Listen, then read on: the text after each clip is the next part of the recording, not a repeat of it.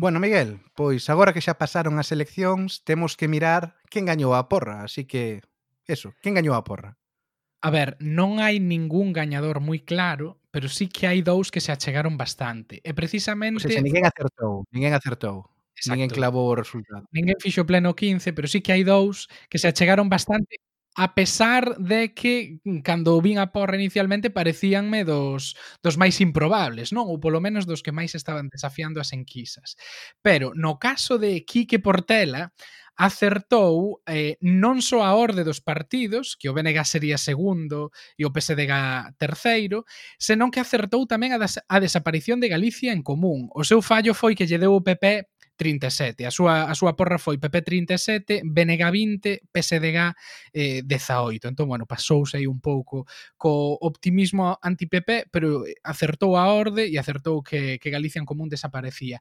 E despois outro... Estivo moi, estivo moi cerca co, co BNG, que ao final sacou 19 contra todo pronóstico e deulle 20, moi, moi cerquiña. Sí, sí. E, e outro, Alberto Branco, pois acertou, mallou a cifra eh, do BNG, 19 deputados, Eh, pero bueno, despois deulle tres a Galicia en Común, que finalmente quedou fora do Parlamento, eh, 17 o PSDG e 36 o PP. Tamén había aí un optimismo de, de esquerdas anti-PP que non puido ser, pero bueno, acertou a, a cifra do BNG que ninguén contaba, como se adoita dicir, non? Eh, digo eu, e nós, nós que tal que tal o fixemos eh, sabios comentaristas internacionais? Como nos foi? Eh, bueno, a nós non nos foi moi alá porque eu deralle 40 o PP, 16 o PSOE, 13 o BNG e 6 a Galicia en común. Así que Ma. quedei... Fun bastante... Seguín bastante as indicacións das enquisas e últimamente iso non é sempre a, o mellor consello. Ti como... Ti que lle encanto deras? Eu, eu aínda peor, eu, eu non sei por que fago estas cousas, eu porque a xente me toma en serio cando eh, opino ou falo de política. PP41, eso sí que, eso estou claro, pero bueno, eso porque é unha constante que existe en Galiza, todo demais son variables. A única e aínda pode mudar, tendo do voto migrante por Pontevedra, eh. pode ser 42, eh? Sí, así que igual nin acerto nada. Pois pues eso, PP41, PSDG eh, 16, que tampouco estivo moi lonxe, non? Do que sacaron ao final. ¿no? BNG 11, aí eso sí que non o vin vir, e Galicia en Común 7, que, bueno, En fin. Tampoco. tampoco Vimir, no. Eh, bueno, eles tampouco, me parece a mí que tampouco viron o viron vir. Eh, pero, en calquera caso, eh, moitas grazas a todo o mundo que participou. Creo que ao final tivemos entre 30 e 40 persoas que se sumaron a Porrate con Gotas. Ninguén acertou, así que non hai cunca. Pero, pero bueno, eh, grazas por participar e por sumarvos a esta iniciativa. Cando haxa outros outras convocatorias podemos facer outra porra a ver se eh, regalamos eh, finalmente a taza. Pois sí. Pero bueno, hoxe, a última vez que, que fixemos un programa, estábamos anunciando o final da nosa serie especial de eleccións. Uh -huh. As eleccións xa acabaron, de que imos falar hoxe? Pois, que de que imos falar hoxe? Boa pregunta, un pouquiño, un pouquiño de todo. Xa o noso eh, último episodio da tempada, entón é así como unha revisión, no, do que foi este este ano e medio, comentar as cousas que máis que máis nos gustaron e, e pouco máis. É unha é anunciarvos pois algún plan que temos para para o ano que ven, ou bueno, para a tempada que ven, non o ano que ven. Pois imos con iso. Dentro intro. Think about Brexit. What, what's that? Like? Order! The nose to the left, 432. With the light, with the music, very welcome everybody here. A Brexit question in English, if you don't mind. Bueno, no, hombre, no vamos a hacer. Venga, adelante. ¿Quiere usted hacer el puñetero favor de largarse de aquí y de... No va usted a hacer nada ya. Do you like a cup of tea? Yeah, sure. Go on, have a cup of tea. Thank you, thank you. Pois esta vai a ser a derradeira vez eh, que utilicemos esta intro, non, Miguel? Sí. A partir de ahora isto acábase. Sí, porque hai algúns cortes da intro que están un pouco de modé, está aí John Berko, que xa non é o speaker da Cámara dos Comuns eh, de Londres, eh, está Mariano Rajoy, que xa está un pouco fora. Fraga seguirá aí, probablemente, porque Fraga é eterno sí. e aínda o sufrimos a día de hoxe, pero sí que introduciremos así algún cambio para facela un pouco máis fresca despois deste, deste ano e medio escoitando a sintonía do Te con Gotas todas as semanas. Claro, eh, e dicimos, dicimos isto porque este é o, o episodio de, de despedida. Logo, como dis, como ben dis, despois dun ano en medio de, de Té con Gotas, de 40... Cantos vamos? 41, este é o 42 programa sí. oficial, máis non sei cantos, eh, Tés en Gotas para, para patróns, pois decidimos que toca xa eh, pechar a tempada. Da, da, no anterior verán, como ainda levábamos pouquiño, pois decidimos non, non parar, pero desta volta pois sí que nos imos tomar un descansiño dun mes e pico eh, para, para recargar pilas e volver con máis ganas en, en, en setembro, supoño, será en setembro, non? Sí, setembro aproximadamente estaremos de volta, sí. Pero bueno, sí que vamos a aproveitar un pouquiño este programa de hoxe para reflexionar eh, ata onde o que fixemos neste, neste ano e medio e tamén para darvos algunhas ideas do que está por vir na tempada dúas de Té con Gotas. A ver, así, Miguel, en brevemente, que, que, que che parece o que o que levamos aí neste ano e medio? Que foi o que che gustou, o que che gustou menos, o que cambiarías? Home, a ver, neste ano e medio, basicamente o podcast en sí. Eu lembro cando comezamos que eu pensaba en si aquí, se si nos escoita cada programa 20 persoas, xa sería un auténtico mm. logro. E agora pois temos todos os meses eh, centos de escoitas, centos de descargas, eh, temos unha comunidade en redes moi moi activa e moi fiel. Eh, o newsletter, temos un, un newsletter con máis de 100 suscriptores, uns índices de apertura do newsletter bastante altos, iso quere dicir que a xente pois lle interesa, non está simplemente suscrito e, mm. e os nosos correos quedando aí sen abrir E, e bueno, despois tamén temos decidimos abrir a metade do camiño o, o Patreon para que a xente se fixera suscriptora e xa temos máis de 40 suscriptores que están todos os mm. meses pagando como mínimo 2,5 dólares. Entón, eh, iso mm. é inimaginable eh, com, ah, pensando no que imaginábamos no, no principio, non?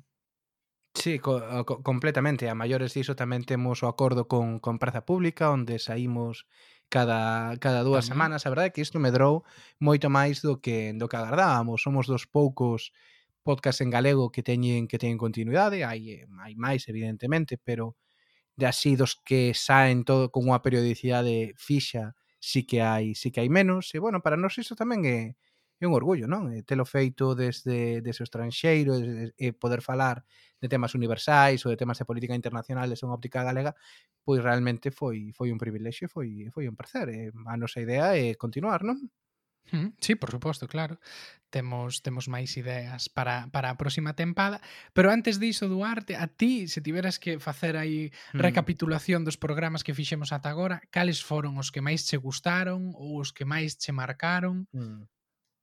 Pois houve moitos, a verdade. Eu creo que unha das vantaxes que tivo este podcast é que tamén nos serviu para, para aprender, para aprender de moitas cousas das que non sabíamos, para falar con eh, galegos e galegas eh, que saben moito de, de, de, de moitos temas eh, moi variados e a verdade é que é difícil, non? Elixir elixir así algúns, pero a ver, se teño que quedarme cuns poucos, diría que o que fixemos sobre o a, a RTVG e a BBC a comparación dos dous sistemas públicos foi foi bastante interesante, a min serviume pois, para aclarar moitas cousas. Tamén me, a nivel de entrevistas custoume moito a que fixemos, non hai tanto, hai, hai uns meses, con coa socióloga Mariña Fernández que nos falou de datos de migración, que é algo que a mí sempre me pareceu particularmente particularmente interesante.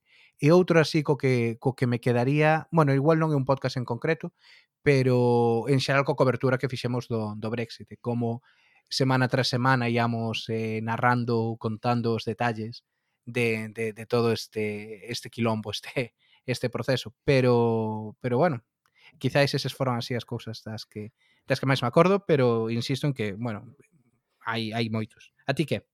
Se- Amigo que dis do Brexit, a cobertura en xeral que fixemos, mm. eh, gustoume moito. Bueno, creo que eh, tratamos de explicalo mm, da, da mellor forma posible, un, un pouco así Brexit para damis, para xente que non mm. era experta e que o fixemos eh, meridianamente ben.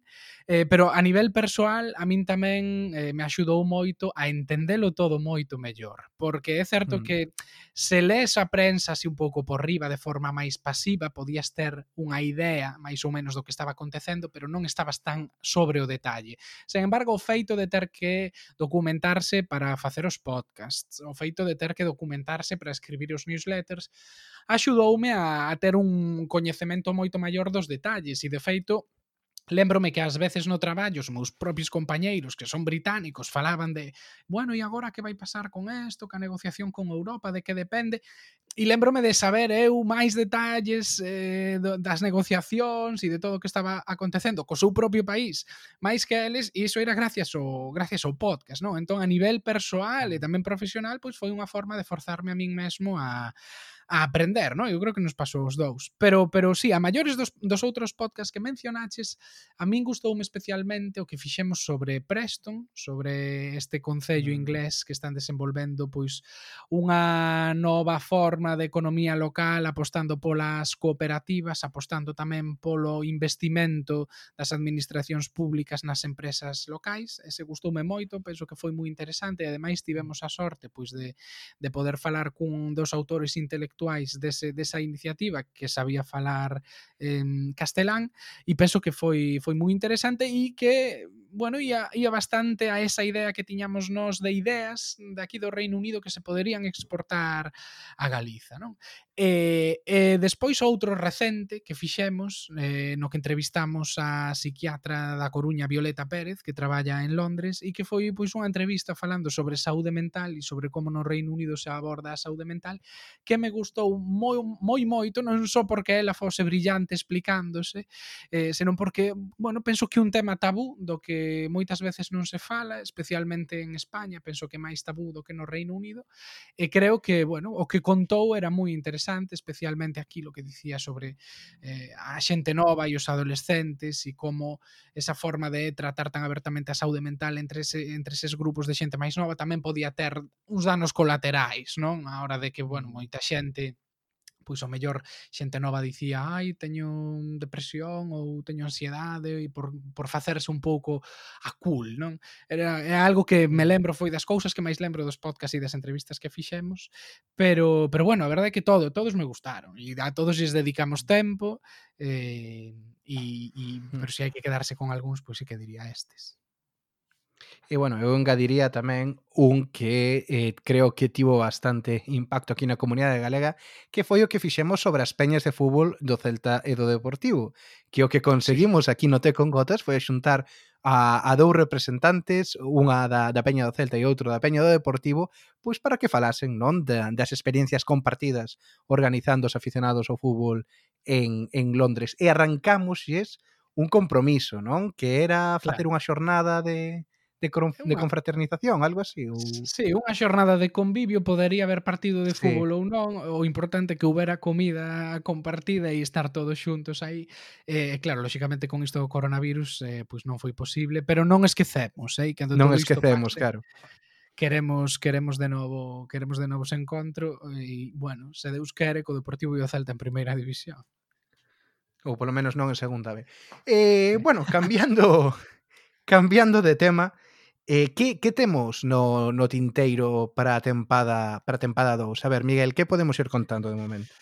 A ver, unha das cousas que podemos ir contando é o episodio co que imos abrir a próxima tempada, que vai ser eh, un especial falando con Carlos eh, Durao, que é un histórico galego, da, membro da comunidade galega en Londres, eh, chegou hai décadas ao Reino Unido, ele é lingüista, e traductor, eh, é un dos eh, membros máis activos, non só no Reino Unido, senón na comunidade galega en xeral, a favor do reintegración coleccionismo e, eh, e eh, bueno, pola súa... Pioneiros, efeito un dos pioneiros, de feito, ten moitas anécdotas, eh, pola súa casa pasaron históricos do, do galeguismo, é unha persoa con, bueno, moitas anécdotas, moitas vivencias, eh, que desde un punto de vista galego pode contar a historia recente do Reino Unido de, de forma moi interesante. Fomos á súa casa, eh, pasamos ali horas con ele e ca súa muller, moi acolledores, e ese vai ser o primeiro programa co que abriremos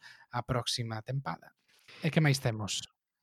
Pois temos varias cousas que quizáis xa queríamos eh, ter feito nesta nesta tempada e por un motivo ou outro, pois botámonos, botámonos atrás. Por unha banda, gustaríanos traballar un poquiño máis a idea do videopodcast. Temos que ver si si é posible, ou incluso estando a distancia, poder eh, gravar podcast así que se, incluso que saian en directo, eh, no que nos no que se nos vexa a nos, a nos falando, e de que sexa con a calidade pequena, pero bueno, se estado de alarma montaron unha cala de YouTube con 200.000 persoas, nós, nós tamén podemos. Eh, outra cousa que, que sí que realmente queremos facer é eh, algún día un, un podcast con público, non temos claro se si en Galiza ou en ou no Reino Unido, é algo que levamos bastante tempo pensando. Evidentemente co coronavirus, pois as cousas quedaron quedaron paradas, pero gustaríanos poder gravar un podcast con eh, con xente. Agora que o penso, o do coronavirus pode ser boa cousa, porque un dos medos que tiñamos de facer un podcast con público era que non houbera xente suficiente. Entón, sí. se si agora facemos, se si non hai moita xente e está moi espaciada pola sala, pois podemos dicir, bueno, isto é eh, a distancia social que hai que manter claro, o coronavirus claro. e xa non quedaríamos mal. Así que sí. sí. É verdade. ah, pois non, non pensara esa. Pois, eh, pois é boa. E que máis? Pois imos tratar... Algún, algún formato novo, algo así? Eh, bueno, imos tratar eh, varios temas. Queremos tratar varios temas na próxima tempada Porque previsiblemente a xenda informativa vai nos traer algo, un bello coñecido deste podcast Que é o Brexit. A partir de, do 31 de decembro eh, O Reino Unido xa deixará de estar legalmente deixará de ter ningún tipo de vínculo coa Unión Europea, pasará a ser un novo estado un, un estado libre no mundo cunha relación comercial nova co resto de países da Unión Europea. E, bueno, previsiblemente, en vista de como van do mal que van as negociacións, eh, pois a cousa pode causar bastantes problemas, especialmente se a iso se lle engade o coronavirus e a posibilidade dunha segunda nun segundo andazo de coronavirus que podería complicar as cousas e se xa houve problemas nos supermercados eh, nesta primeira eh, tempada da pandemia, imaginade se hai problemas para importar as verduras desde España mm. ou Francia veremos veremos que pasa con iso. Pero sí, falabas de formatos e sí que temos en mente complementar eh, pois a, a, a cobertura habitual, os episodios habituais do Te con Gotas, con series monográficas tratando temas máis específicos, eh, que o que temos en mente eh, serían temas específicos máis centrados en Galiza e na actualidade galega, na política galega, pero que serían series de varios episodios eh, pois centrados alrededor dun tema en concreto para poder tratalo en profundidade, non?